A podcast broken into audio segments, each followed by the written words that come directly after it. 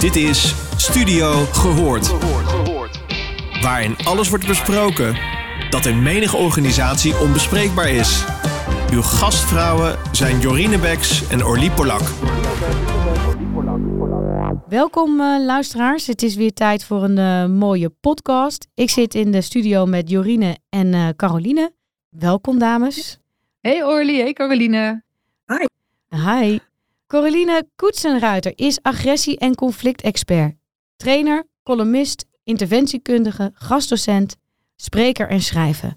Caroline helpt honderden organisaties en duizenden mensen met het omgang met agressie in Nederland. En heeft de boeken geschreven Het Agressieparadijs, Jij moet je bek houden, Omgaan met boze burgers, ouders, klanten en patiënten. Vandaag gaan we daar over praten. Welkom, superleuk dat je er bent. Hartstikke leuk, fijn dat ik er mag zijn. Ja, laten we gewoon met de deur in huis eh, vallen. Wat kom jij zo al tegen in de praktijk? Nou, uh, 3 miljoen agressie- en geweldsincidenten tegen verpleegkundigen, leerkrachten, ambtenaren, agenten, winkel- en horecapersoneel, uh, boa's, uh, buschauffeurs, noem maar op. Dus uh, behoorlijk wat geweld en agressie in Nederland richting onze werkenden. En dat maakt ons zelfs Europees kampioen.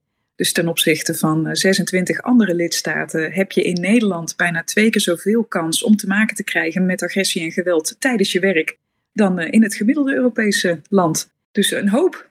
En die 3 miljoen, is dat gemeten over een jaar? Ja, dat zijn onderzoeken van, van TNO. Die voeren gelukkig de NEA uit. Hè. Dat is de Nationale Enquête Arbeidsomstandigheden.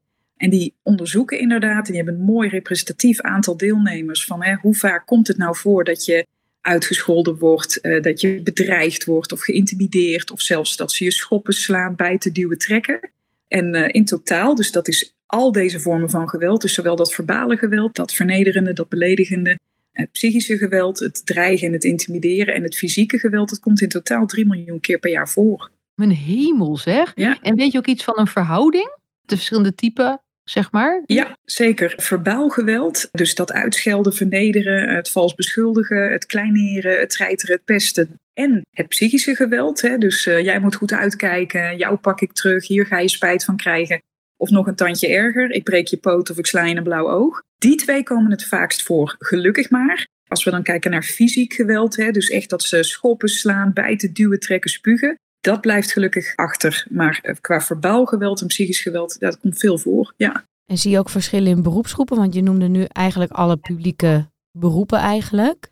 Ja, nou de zorgsector staat in Nederland echt met stip op nummer één. Dus alle verpleegkundigen die luisteren, huisartsassistenten, tandartsassistenten, wijkverpleegkundigen, die kunnen hier echt over meepraten. Die brengen ons ook eigenlijk op die nummer één positie, ook in Europees verband. Op de tweede plek, als je het hebt over hoogrisicoberoepen in Nederland om te maken te kunnen krijgen met agressie en geweld op het werk, zijn dat onze docenten, onze leerkrachten en andere pedagogische beroepen. En op de derde plek staan onze ambtenaren en onze politieke ambtsdragers. Dat is onze top drie. En is dat nou door de tijd, wordt het meer? Nou, dat is een hele rake vraag, want we zien bijvoorbeeld een objectieve toename, dus dat het erger wordt richting politieke ambtsdragers. We zien ook een stijging in die onderzoeken, die dus door TNO elk jaar opnieuw worden herhaald. Tegelijkertijd kun je ook zeggen, het wordt zichtbaarder, hè? dus mensen melden vaker. Ik betwijfel dat laatste, omdat we juist zien dat de meldingsbereidheid, en dat is een groot probleem onder al die veilig publieke taakprofessionals die we hebben in Nederland,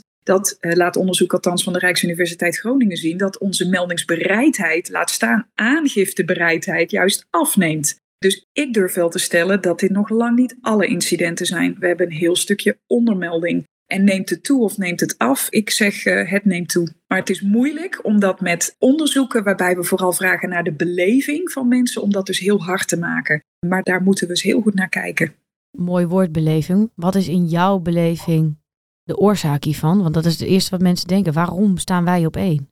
Ja, ja, dan kom ik zelf bij onderzoek uit wat ik gezien heb van Paul Schnabel. Hij was ooit directeur van het CBS en hij zegt Nederland heeft erg te kampen met de vijf I's. En uh, laten we ze alle vijf eens even kort beetpakken. Bovenmatige individualisering, dus zelfontplooiing en misschien wel het dikke ik of het ego staat al wel heel erg lang in de spotlights. Dat betekent ook mogelijk een afname van empathie ten opzichte van de verpleegkundige voor je, die niet op tijd, omdat ze eh, meer patiënten te verzorgen heeft, of een leerkracht die niet alle tijd kan besteden aan jouw kind, eh, omdat er ook nog, ja, inmiddels hè, misschien wel meer dan 30 andere kinderen in zo'n klas zitten. Dus de individualisering is een van die oorzaken. We hebben ook te maken met een bovenmatige informalisering. Daarbij kun je denken aan de horizontalisering. Hè. Vroeger zette je je pet af als je in het stadhuis binnenkwam. En als een leerkracht inderdaad zei: Goh, mevrouw Koetseruiter, is, het is goed om thuis wat meer te lezen. Nou, dan deed je daar wat mee. En nu zien we eigenlijk dat verschillen in ervaring of verschillen in achtergrond er steeds minder toe doen. Dus op dit moment zetten we die pet al helemaal niet meer af in het stadhuis. En als een leerkracht iets op te merken heeft over bijvoorbeeld hoeveel we lezen thuis, nou dan zie je eigenlijk helaas een groeiende groep ouders die met een opgestoken middelvinger die klas binnenstappen en zeggen: Wijf, jij kan niet lesgeven. Ik betaal jou. Dus val me hier niet mee lastig, trut. En ga gewoon doen waar ik jou voor betaal. En dan nog heel wat andere scheldwoorden die ik uh, denk ik dat alle luisteraars er zich dan wel wat uh, bij kunnen voorstellen. Nou, er zijn er nog drie. We hebben een hele intensivering achter de rug. Hè. Dus wij uh, scoren ook eigenlijk erg hoog. als we kijken op burn-out onder onze werkenden, zitten we ook vrij hoog. Intensivering heeft te maken met dat we eigenlijk allemaal in ons gezin misschien ook wel twee beroepen moeten hebben om het kostbare leven ook te kunnen betalen in, in Nederland. We zien dat de overheid toch ook een terugtrekkende beweging heeft gemaakt. Dus wij moeten ook veel mantelzorg verlenen. En we moeten zorgen dat we daarnaast fit blijven, dat we gezond blijven. Kortom, de elastiek is best continu uitgetrokken in Nederland. En als je dan te maken krijgt met het gevoel ik word geblokkeerd door deze ambtenaar of iets kan niet zoals ik het graag zou zien in het ziekenhuis, dan kan dat een aanleiding zijn om eerder negatief te ontladen. Nou, ik vertel de laatste twee nog maar even even kort. jij wil weten, jullie willen weten hoe komt het nou, die Europese koppositie. Uh, de informatisering. We zien ook burgers die denken na een tien minuutjes op Google beter te weten dan de dokter uh, wat er nu moet gebeuren. Of tegen de ambtenaar te kunnen vertellen wat er in die vergunning moet komen. Dus informatisering heeft natuurlijk ook allerlei mooie eigenschappen. Maar het kan ook maken dat je denkt in één keer de expert, uh, de deskundige te zijn waar je dat niet bent. En daarmee ook wel heel erg een overtuiging op het eigen gelijk kan hebben. En totaal geen tegenspraak meer kunt ontvangen. Nou, en dan hebben we nog de internationalisering.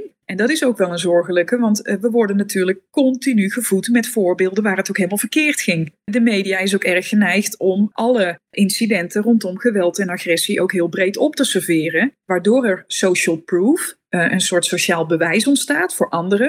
Oh, dat is dus heel normaal. En als ik zelf zie in de Tweede Kamer, hè, want dat hebben we natuurlijk ook gezien, dat Kamerleden onderling elkaar intimideren, verbaal uh, agressief zijn naar elkaar. Waarom zou ik me dan nog netjes gedragen tegenover de agent, de leerkracht, de verpleegkundige? Dus dat is het werk van Paul Schnabel. Ik zou daar wel graag aan toe willen voegen. De polarisatie in Nederland, die kunnen we daarbij niet onbenoemd laten, maar ook vooral de gelegenheid. We zijn in Nederland, hebben we onvoldoende gedaan aan die normvervaging. Dus er was ook heel veel gelegenheid om agressief gedrag te vertonen en je kwam er eigenlijk altijd mee weg. Verpleegkundigen maken soms elkaar nog steeds wijs. Ja, dit hoort erbij. Daar moet je tegen kunnen. En dat zie ik trouwens ook bij alle andere beroepen in die, die veilig publieke taaksector. Dus we zijn zaken normaal gaan vinden. We zijn grenzen gaan verleggen, waardoor we gelegenheid hebben gecreëerd voor een, een bepaalde groep mensen om zich uh, zeer agressief af te reageren. Dus dat is de duiding die ik eraan zou kunnen geven. En hoe komt het dat we dan op nummer 1 staan? Want is het alleen maar in Nederland aan de hand? Nee, we zien eh, bijvoorbeeld als je het zou willen vergelijken met een land als Portugal, hè, daar zien we toch zeven keer minder agressie en geweld tegen werkenden. Dan kom ik toch even terug op die individualisering. Portugal was tot in de jaren zeventig nog een dictatuur. Dus daar zijn normen, waarden, collectief gedrag heel anders. In Nederland zijn we eigenlijk al jaren daarvoor waren we bezig met de ontzuiling, ontkerkelijking, het verenigingsleven nam af. Dus wij zijn eigenlijk veel verder in die individualisering dan bijvoorbeeld zo'n land als Portugal. Maar als je dichter bij huis gaat kijken, de Belgen, onze zuiderburen, hebben dus drie keer minder agressie en geweld tegen werkenden. Maar toch ook, belangrijk denk ik om te zeggen, dat zij ook qua cultuur, ondanks dat we dicht bij elkaar wonen, toch anders zijn. Mogelijk een heel stuk hoffelijker dan wij in Nederland, die natuurlijk al ook internationaal gezien best wel uitgelachen worden soms. Hè, dat we bot, grof, lomp maar dat is natuurlijk nog wel iets anders dan agressief. Dus ik denk dat we daarnaar moeten kijken. Plus ook wel, uh, als je dan bijvoorbeeld weer kijkt naar een land als Spanje. Ik raad het elke uh, luisteraar ook af om een Guardia Civil of een, een Spaanse politieagent in het gezicht te tuffen. Natuurlijk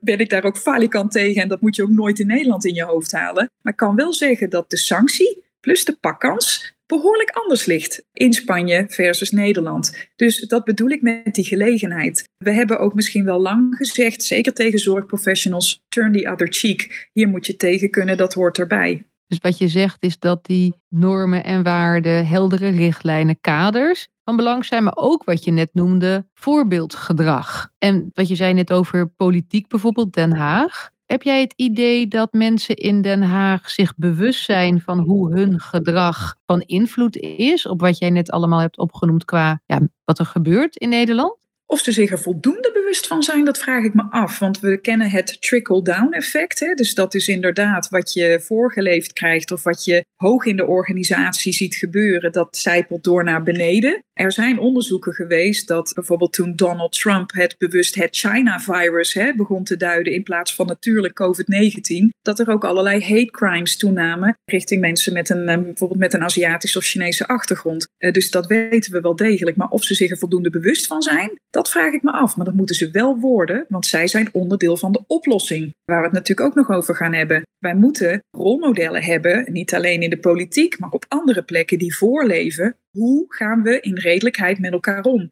Ook als we het niet met elkaar eens zijn, ook als er fouten zijn gemaakt, hoe verhouden we ons dan tot elkaar? En die goede voorbeelden, nou, die moeten we soms wel zoeken in Nederland. Ja, en we zien ook vaak het verkeerde voorbeeld, daar ben ik van overtuigd. Ja. En die verhouding tot elkaar, is dat wat je bedoelt met dat we polarisatie niet mogen weglaten in deze discussie? Kun je dat iets toelichten? Ja, ik denk dat polarisatie in de kern gaat over hoe groepen tegenovergesteld aan elkaar zich tot elkaar verhouden. En daarin valt mij enorm op ook dat sociale media een, een soort katalysator is geweest voor het hè, letterlijk. Eh, nou, daar zijn natuurlijk ook allerlei voorbeelden van te geven hoe we vooral uh, bevestiging krijgen van hè, ons eigen standpunt. Dus een soort monopolie op de waarheid gaan creëren, ook zelf gaan geloven. En dat lijkt wel te legitimeren dat je dan dus echt met gestrekt been of zelfs met uh, strafbare bedreigingen een ander op sociale media gaat bestoken, belagen, soms zelfs tot doodsbedreigingen of, of, bedreigingen met seksuele geweldsdelicten aan toe. Uh, dus die polarisatie, dat baart mij wel zorgen. Want hoe gaan wij in Nederland met elkaar om op het moment dat we het niet met elkaar eens zijn? Ik denk dat we daar een mogelijke sleutel hebben. En wat vraagt dat sociale cohesie? Dus wel weer in verbinding komen met elkaar. Hè? Dus uh, hoe komt dat nou dat jij dat zo denkt? Neem het daar eens in mee. Wat heb je meegemaakt in je leven dat je zo fel bent op, nou ja, welk thema dan ook? Van stikstof tot klimaat, tot zwarte piet, tot corona, tot et cetera. En ja, ik geloof dat we, daar, uh, dat we daar een beetje ver van af zijn geraakt. Dat we dat ook niet meer zo goed weten hoe we dat moeten doen. Boeiend, ik raak er een beetje stil van. Dat je echt denkt van, zijn wij gewoon ergens een beetje afgeleerd om normaal met elkaar te praten als we van mening verschillen? Dat daar ook gewoon die frustratie uit ontstaat van, joh, missen wij niet gewoon een vaardigheid tot constructieve dialoog? Ik ben zelf eigenlijk ooit begonnen als mediator. En daarbij heb ik veel gehad aan het werk van Friedrich Glassel met hoe deescaleer je. En ik geloof dat je meningsverschillen moet koesteren. Dat die ongelooflijk van waarde zijn. Dat we daardoor dingen kunnen toevoegen, andere inzichten, betere ideeën kunnen maken met elkaar. En tegelijkertijd zie ik mensen die ook steeds banger worden voor het meningsverschil, omdat het zo snel kan ontsporen. Daar, daar, daar zijn we denk ik ook genoeg voorbeelden van. Maar het echt allereerst de ander begrijpen, om daarna ook zelf begrepen te worden. Dus eerst maar eens zoeken, wat is je punt? Wat heb je meegemaakt? Neem eens mee. Kunnen we daar eens over praten? Ook een mooi boek hè, van, van Joris Luijendijk vind ik dat. Kunnen we praten? Dat, um, dat lijkt wel onder druk te staan. En tegelijkertijd moeten we ook, waar ik net ook zelf voor waarschuw, we zien ook steeds de voorbeelden waarbij het heftig escaleert en verkeerd gaat. Ik geloof dat Nederland niet een andere genenpopulatie of andere opbouw heeft. Hè, dus dat wij gewelddadiger zijn, helemaal niet. Ik geloof dat, uh, dat wij daar helemaal niet per se over andere eigenschappen beschikken. Maar we moeten dus wel goed kijken naar hoe kunnen we dit verklaren. En welke omstandigheden hebben we waardoor ja, wij, wij dit zo de kop op zien steken. En hoe kunnen we, want als we dat weten, dan kunnen we hopelijk ook kijken naar ja, beleid of oplossingen, tips. Hoe komen ja. we hier weer uit? Wat je net zei ook over, wat Orly ook zei, ze hebben het afgeleerd om een bepaalde manier een dialoog te kunnen voeren. Ik had hiervoor had ik een afspraak met uh, twee studenten van de PABO. En dat ging over psychologische veiligheid, want daar uh, zijn ze mee bezig, een presentatie over willen geven. En toen vroeg ik in hun opleiding hoeveel aandacht eraan wordt besteed. En ze zei, ja, nou, sociale veiligheid wordt helemaal niet genoemd. Dacht ik, huh? Voor mij was het weer een huh inzicht. Ja. En wat jij nu ook zegt, en wat jij ook zegt, Orly. Ik denk dat wat jij terecht zegt, Caroline, het is niet één oplossing. Hè? Het is een sleutel, die, misschien wel een sleutelbos bijna, die je nodig ja. hebt. Maar een van die sleutels kan me voorstellen dat die ook ligt in hoe leren wij onze kinderen al met elkaar omgaan in de klas. Hoe leren we ze met elkaar omgaan op het plein als de juf of meester er niet is? Hoe gaan de juffen en meesters met elkaar om? Weer dat voorbeeldgedrag weer en wat is daar nodig? Hoe zie jij dat? Ik hoorde toevallig eh, gisteren ook nog, uh, sprak ik met een, uh, een organisatiepsycholoog die vertelde dat zijn kleindochter van zeven zelf ook inderdaad de kringgesprekken leiden. Als er iets is wat speelt, wat lijkt op plagen, dan wel wat richting structureel gedrag gaat, zoals pesten. Ze doen dat zelf. Ze leren dat inderdaad onderling. Dus niet met een uh, kanjertrainer erbij of de leerkracht die wel even hè, het gaat ordenen. Ik hoop, want als we het hebben over het thema grenzen stellen, dat is mij nooit geleerd. Hè? Dat, uh, daar was geen aandacht voor. En ik hoor dus nog steeds in de hedendaagse pabo's ook niet. Ik merk dat in ieder geval dat op basisscholen enorm leeft. Hè, stop, hou op, want ik vind het niet meer leuk dat je aan mijn haren trekt. Het gekke is, dat uh, zijn wij dus bezig om dat weer aan volwassenen aan te reiken, die dus op hun werk voor dikke, lelijke trut of nog voor erger woorden worden uitgemaakt, om dat ook weer te gaan begrenzen. Het, het, thema grenzen stellen, mag dat? Waar begin ik? Waar begint de ander? Ik denk dat je daar niet vroeg genoeg mee kan beginnen. Want wat ik soms zo moeilijk vind, is ik, ik vooral ook zie ik dat toch veel in de zorg, dat verpleegkundigen een bepaalde schroom hebben en bang zijn dat zij escaleren als de ander dus al hele heftige uitingen doet, ziektes toewenst. Ik hoop dat je brandt in de hel om mensen. Ik hoop dat je acute hartklepkanker krijgt. Nou, gekste uitspraken hoor ik, uh, hoor ik helaas. En dan vindt de professional, zeker die met een publieke taak, vaak het eng of ja, maar mag ik wel een grens stellen? Loopt het dan niet juist bij me weg? Dus wij zijn daar, wij vinden dat ontzettend moeilijk om daar iets op terug te zeggen. Dus ik hoop alleen maar dat het helpt als je daar op jonge leeftijd al wordt geleerd. Nee, het kan, het mag, het werkt. Een grens stellen doen we om de norm te handhaven en te onderhouden dat we in redelijkheid met elkaar om moeten gaan. En natuurlijk mag iemand boos zijn en iemand mag kritiek geven, maar dit soort uitspraken die mogen nooit. Wat heeft dat voor effect op, ik kan me iets voorstellen, maar wat maak jij veel mee? Wat voor effect dat heeft op het handelen van de professional, zulk soort gedrag om haar of hem heen? Ik zie dat mensen daar letterlijk doodziek van worden. Dus je kunt denken aan het ontwikkelen van lichamelijke gezondheidsklachten. Hè. Woorden tellen ook. Dus het is natuurlijk ook onzin om te denken dat geweld alleen gaat over fysiek geweld. Juist verbaal geweld en dat psychische geweld komt veel voor en maakt dat mensen ziek worden. Dat mensen uh, migraine ontwikkelen, dat mensen problemen krijgen met het immuunsysteem, met, uh, met slapen. Maar ook natuurlijk in de geestelijke gezondheid problemen ontwikkelen die lijken op depressie, burn-out en bij een klein percentage zelfs PTSS posttraumatisch stressstoornis. Nou, en dat zijn aandoeningen waar je vaak ontzettend lang mee onderweg bent om daar weer van te herstellen. Uh, maar daarnaast, en dat vond ik ook een van de meest innovatieve en ook chockerende onderzoeken, is het onderzoek van Emiel Kolthoff samen met Diana Marijnissen. Zij hebben onderzocht dat twee derde van de veilig publieke taakprofessionals, dus dat zijn zorgprofessionals, ambtenaren, maar ook onze bestuurders van Nederland, dat die na bedreiging of intimidatie, twee derde van hen gaat daarna ander gedrag vertonen. En dat kan dus zijn dat je niet meer gaat handhaven, niet durft op te treden, een oogje dichtknijpt. Maar wat denk je ook van het belonen van agressie? Dus je gaat dingen toestaan, eh, weggeven, behandelingen, vergunningen, misschien zelfs wel goede cijfers in het onderwijs, uit angst om anders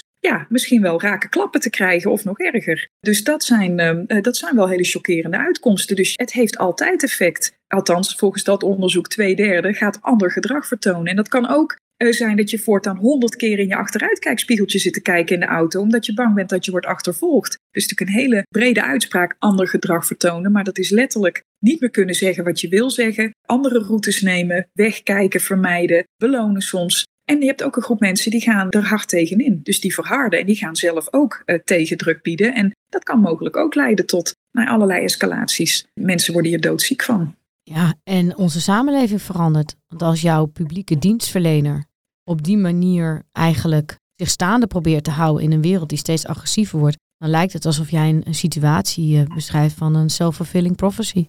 Nou ja, ik denk dat we moeten vaststellen dat het dus ja, code rood is wat dat betreft. En dat klinkt heel alarmistisch. En ik probeer ook juist uh, vooral ook te kijken naar wat kunnen we doen om daaruit te komen. Want uh, hè, anders krijgen we daar misschien ook weer allerlei verkeerde inspiratie in. Maar het heeft al direct invloed op onze democratie, op de integriteit van onze professionals die in die publieke sector werken. En dus mag het nooit normaal worden dat je intimideert of bedreigt. Omdat dat, dat maakt ons als mens, daar zijn wij hartstikke bevattelijk voor. Het, goede verdienmodel van iemand die intimideert is dan ook dat 75% van de ontvangers ook echt letterlijk uh, stilvalt, uh, gaat vermijden of achteruit stapt. Heb je als ter afsluiting het is een vreselijk boeiend heel verhaal. En ik denk, als ik het vraag, denk ik, is misschien heel kort door de bocht. Maar om toch een beetje positief te eindigen. Heb je iets dat je zegt, maar dit kun jij als professional doen? Dus waar zit die zelfregie? Wat voor invloed heb jij? Want op de hele maatschappij wordt lastig, maar de maatschappij, dat ben jij. Ja, ik kan alleen maar zeggen, hou het nooit stil. Dus speak up, uh, neem jezelf in acht. Dus als je te maken krijgt met verbaal geweld, psychisch geweld of fysiek geweld,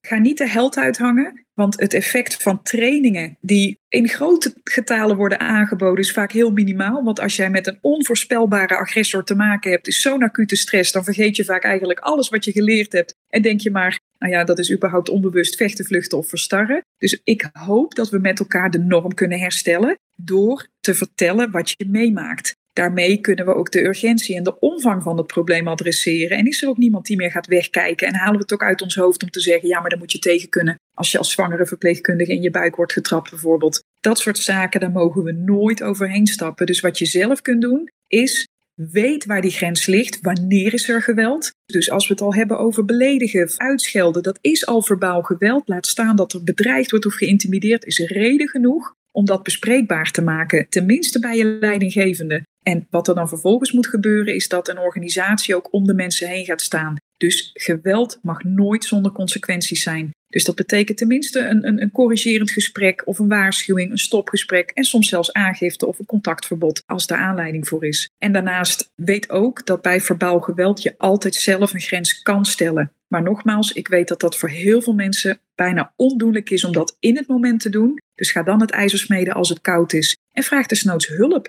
om alsnog die grens te stellen. Of laat dat dan samen met je collega of desnoods door je leidinggevende doen. Maar corrigeer, uh, geef de agressor altijd de reactie. Dat hoef je dus niet, nogmaals, niet altijd zelf te doen. Maar laat zien dat de ander de grens overgegaan is. En dat doe je dus ook nooit alleen voor jezelf. Want die grenzen, die normen, die waarden die daaronder liggen, die zijn natuurlijk van ons allemaal. Dus dat doe je ook voor de bescherming van je collega's. Maar uiteindelijk inderdaad van onze samenleving. Dankjewel voor deze hele mooie podcast. Super bedankt. Wat een mooi, mooi, wezenlijk werk heb je. Dankjewel voor al je inzet voor Nederland.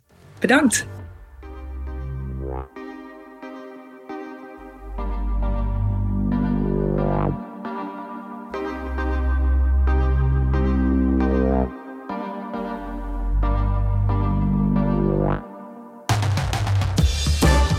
Je luisterde naar Studio Gehoord. Vond je dit een leuke podcast? Laat dan een review achter bij jouw favoriete podcastplatform. Tot de volgende!